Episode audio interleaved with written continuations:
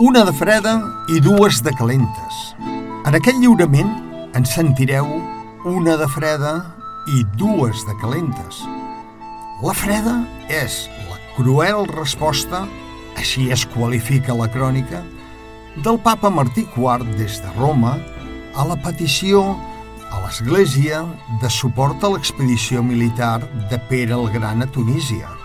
Sense l'ajut del papa, les tropes del rei no tenen cap altra opció, malgrat els grans resultats que s'estaven obtenint, que abandonar Tunísia. No hi ha ni un cèntim més a la hisenda del rei per poder continuar la campanya. El més probable és que, en realitat, la negativa de Martí IV ja es donés gairebé per descomptada. Però, sigui com sigui, Montaner la presenta com la gran crueltat del papa, que es nega a donar la categoria de croada a una expedició com aquesta. La primera de les calentes és la victòria al Puig de Picabaralla, a Tunísia. Es tracta, tal com explica Montaner, d'un triomf espectacular – tot i que cal dir que el rei juga amb l'avantatge de saber, amb antelació, els moviments de l'enemic. Els ambaixadors sicilians, que són al campament del rei a Tunísia, queden impressionats en veure les enormes ganes de combatre amb què els guerrers de Pere el Gran s'acosten al camp de batalla, al Puig de Picabaralla.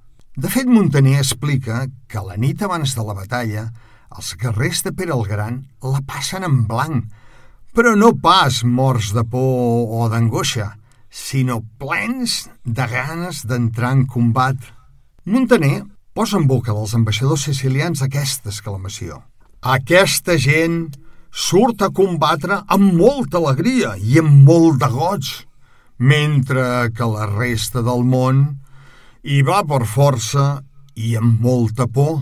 Els ambaixadors es fan il·lusions somiant amb el que podrien arribar a fer, si es traslladessin a Sicília, uns guerrers tan valents lluitant contra les tropes de Carles d'Anjou.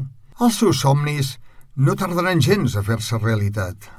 La segona de les calentes és la decisió, vista la cruel resposta del papa, d'abandonar el projecte de conquesta des de Tunísia i de substituir-lo per una intervenció armada a Sicília en suport dels rebels contra la tirania de Carles d'Anjou. La gràcia de l'escena, tal com l'explica Montaner, és que, de fet, la decisió no la pren pas el rei, sinó el poble. Hi ha un vell proverbi llatí que diu que vox populi, vox dei, o, com el tradueix el nostre cronista, veu de poble, veu de Déu és. Ras i curt. Una porta es tanca amb la cruel negativa del papa a validar el pla de conquesta de Tunísia donant-li el caràcter de croada. Però alhora se n'obre una altra, per inspiració divina, a l'illa de Sicília. Un rei i uns guerrers amb tantes ganes d'anar a la guerra com els que presenta Montaner no es podien quedar parats.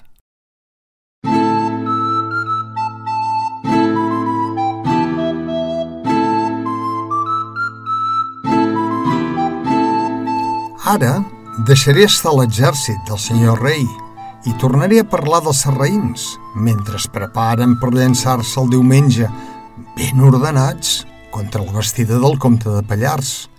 I el dissabte al vespre el serraí del Fàndec va tornar a parlar amb el senyor rei i li va dir Senyor, tingueu preparada tota la vostra gent. Demà a l'alba, que la batalla està servida. I el rei li va dir a bodes em convides.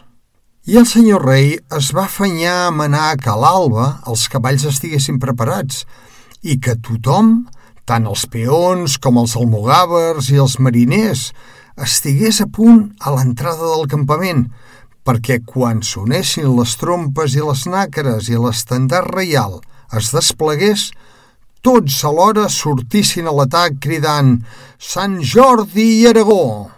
Sant Jordi i Aragó! I el senyor rei va manar que tothom anés a dormir, Però el cert és que tots tenien tantes ganes d'entrar en combat que aquella nit gairebé ningú no va poder clocar els ulls. I a punta de dia tothom, tant la gent de cavall com la de peu, estava preparat al costat del senyor rei a l'entrada del campament. La davantera la dirigien el comte de Pallars, el noble Empero Ferrandis, senyor d'Ixer, i d'altres alts guerrers.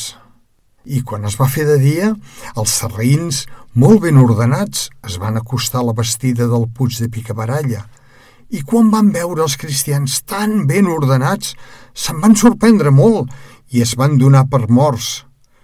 Si haguessin pogut, tots haurien reculat. Què us diré? Que quan el senyor rei va veure que ells vacilaven i s'anaven aturant, es va afanyar a manar la davantera que taqués, va ordenar que es desplegués l'estàndard reial i que les trompes i les nàqueres sonessin, i llavors els de davant van atacar. Els sarraïns, però, es van defensar molt bé, de manera que els cristians, de tanta gent com hi havia, no els van poder superar. Llavors, el senyor rei va atacar amb la senyera al seu costat i els sarraïns es van disgregar, no hi va haver ningú de la davantera enemiga que es pogués escapar i moltíssims serraïns hi van perdre la vida. Aleshores, el senyor rei va voler anar encara més enllà d'una muntanya que tenia davant seu, però el comte de Pallars i d'altres nobles li van dir cridant «Ai, senyor, per Déu, no feu, que si feu un pas més podeu donar per perdut tot el que hem guardat a les tendes que en el campament només hi ha malalts, nens o dones, i si ho perdem, ens quedarem sense menjar. Tingueu present, senyor, que valorem més la vostra persona que res més del món. I el senyor rei estava tan escalfat lluitant contra els serraïns que no es preocupava gaire de tot això. Però com va sentir aquestes paraules, va donar-se que tenien raó. Aleshores es van aturar al peu de la muntanya va fer trucar la trompeta i tothom es va reunir al seu voltant per tornar de forma ordenada i amb molta alegria cap al coll. Abans, però, van recollir el botí. Aquell dia els homes del rei van guanyar tant que en la resta de la campanya no els va faltar res de res. I els serraïns estaven tan desconcertats i espantats que les seves línies van retrocedir més d'una llegua. I tot i que cada dia venia tanta gent a reforçar-los que no es podia comptar, ja no eren, però, tan valents ni tan nombrosos com per veure's amb cor de fer una altra vegada un atac semblant. I el senyor rei va fer cremar tots els cossos dels serraïns perquè no s'escampés cap epidèmia per aquella regió. Ara Deixaré estar el senyor rei i els exèrcits, tant dels cristians com dels serraïns, i parlaré del noble en Guillem de Castellnou. Abans, però, us vull parlar de l'agradable sorpresa que es van endur els sicilians en veure tot el que havien fet i que feien cada dia el senyor rei d'Aragó i els seus homes. I mentre ho veien, es deien a ells mateixos si Déu vol que aquest senyor vingui a Sicília, podem estar ben segurs que tots els francesos són o morts o vençuts i que nosaltres estarem fora de tot perill, que aquesta és la més gran meravella que mai s'hagi vist, que aquesta gent surt a combatre amb molta alegria i amb molt de goig, mentre que la resta del món hi va per força i amb molta por. I d'aquesta manera els sicilians no paraven de meravellar-se.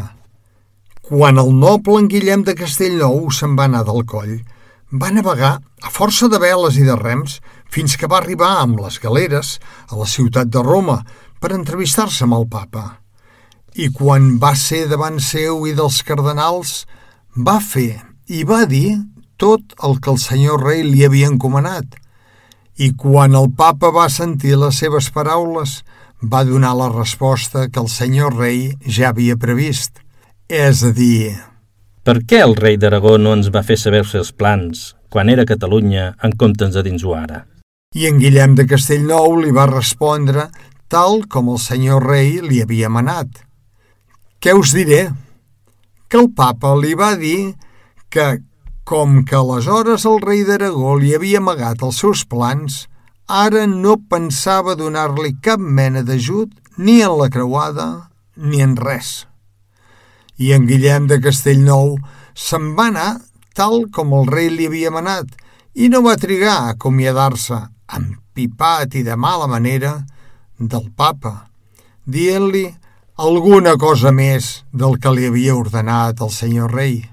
Sant pare, jo me'n vaig amb una resposta que no pot ser més cruel. Si a causa de la vostra actitud la cristiandat en surt perjudicada, Déu Nostre Senyor vulgui que la culpa recaigui sobre la vostra ànima i sobre la de tots aquells que han permès i fet possible aquesta resposta. I dit això, es va embarcar en direcció al coll, i quan el senyor rei el va veure, se'n va alegrar molt, perquè se l'estimava de debò i apreciava molt la seva saviesa i el seu valor en el camp de batalla. El rei va convocar els seus consellers per conèixer la resposta del papa de llavis d'en Guillem de Castellnou. I quan el senyor rei va sentir la gran crueltat del papa, va aixecar les mans al cel i va exclamar «Senyor Déu, que sou el principi i la fi de totes les coses, us prego que em jutgeu segons les meves intencions, que sabeu molt bé que la meva voluntat era de viure i de morir al vostre servei, però també sabeu que això no serà pas possible. Us prego, per tant, que la vostra gràcia m'il·lumini a mi i a totes les meves gens i ens inspiri. Va demanar que tots els seus consellers que miressin de trobar una solució al problema que se'ls plantejava, que ell també hi pensaria. I un cop dit això, tothom se'n va anar a la seva posada. I encara no havien passat quatre dies que unes altres dues barques armades van arribar de Sicília amb un missatge semblant al d'aquells que ja havien vingut i encara més llastimós, perquè una de les barques amb dos cavallers i dos ciutadans era de Messina, que estava sent assetjada pel rei Carles, tal com ja heu sentit, i estaven tots a punt de caure morts o de ser fets presoners. L'altra barca havia sortit de Palerm amb dos cavallers i dos ciutadans més, tal com ja ho heu dit, en representació de tota Sicília. I van venir tots vestits de negre, amb les veles negres i amb senyeres negres, i per cada plany que els primers ambaixadors havien fet, aquests en van fer quatre. Tothom se'n va piedar i tots de cop van cridar Senyor, a Sicília! No deixeu morir Senyor, aquest poble. Sicília. No deixeu Sicília. morir aquest poble. No el deixeu morir! Senyor, A Sicília. dels vostres a fills! Sicília, per l'amor de Déu. Per l'amor de Déu! Senyor, a Sicília. No deixeu morir aquest poble. I quan els nobles van sentir la voluntat de tot l'exèrcit, se'n van anar tots plegats a parlar amb el senyor rei i li van dir Què us passa, senyor? Per amor i per respecte a Déu, tingueu pietat d'aquest pobre poble, que així us crida mercè. Que no existeix tan cruel cor de senyor en el món, sigui cristià o sarraí, que no n'hagi de sentir pietat. Doncs, quanta més n'heu de sentir vos per moltes raons, com aquests bons homes us acaben de dir, que són totes veritat, i encara més després d'haver vist la cruel resposta que el papa us ha fet. Per tot plegat, creieu que tot això ve directament de Déu, perquè si Déu hagués volgut satisfer el vostre desig de restar en aquest lloc, també hagués volgut que el papa us ajudés. Però si Déu no ha volgut que us concedís l'ajut, ha estat perquè aneu a socórrer i ajudar aquest poble tan desgraciat. I a més, Senyor, per tot això que està passant, podeu conèixer què és el que Déu vol, que bé sabeu que la veu del poble és la veu de Déu. I veieu, a més, la gent del vostre exèrcit cridant A Sicília! A Sicília! A Sicília! A Sicília! Per tant, senyor, què espereu? Tots nosaltres us oferim, en nom nostre i en el de tot l'exèrcit, de seguir-vos, i si cal, morir, i d'oferir la nostra mort en honor de nostre Senyor Déu i de vos, i per la salvació del poble de Sicília. I tots ja estem preparats, que fins i tot sense sou ho seguirem.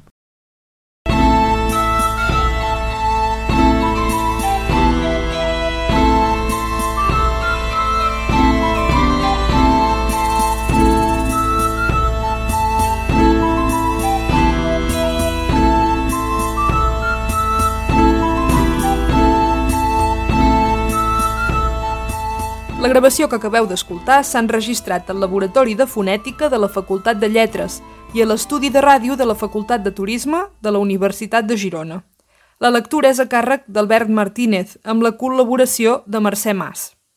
David Fernández s'ha encarregat de la taula de so i Glòria Ribugent del muntatge. La traducció del text al català modern és de Xavier Renedo i Josep Antoni Aguilar. La gravació ha comptat amb el finançament de la Institució de les Lletres Catalanes, la Diputació de Girona i el Grup de Recerca de Literatura Medieval de la Universitat de Girona.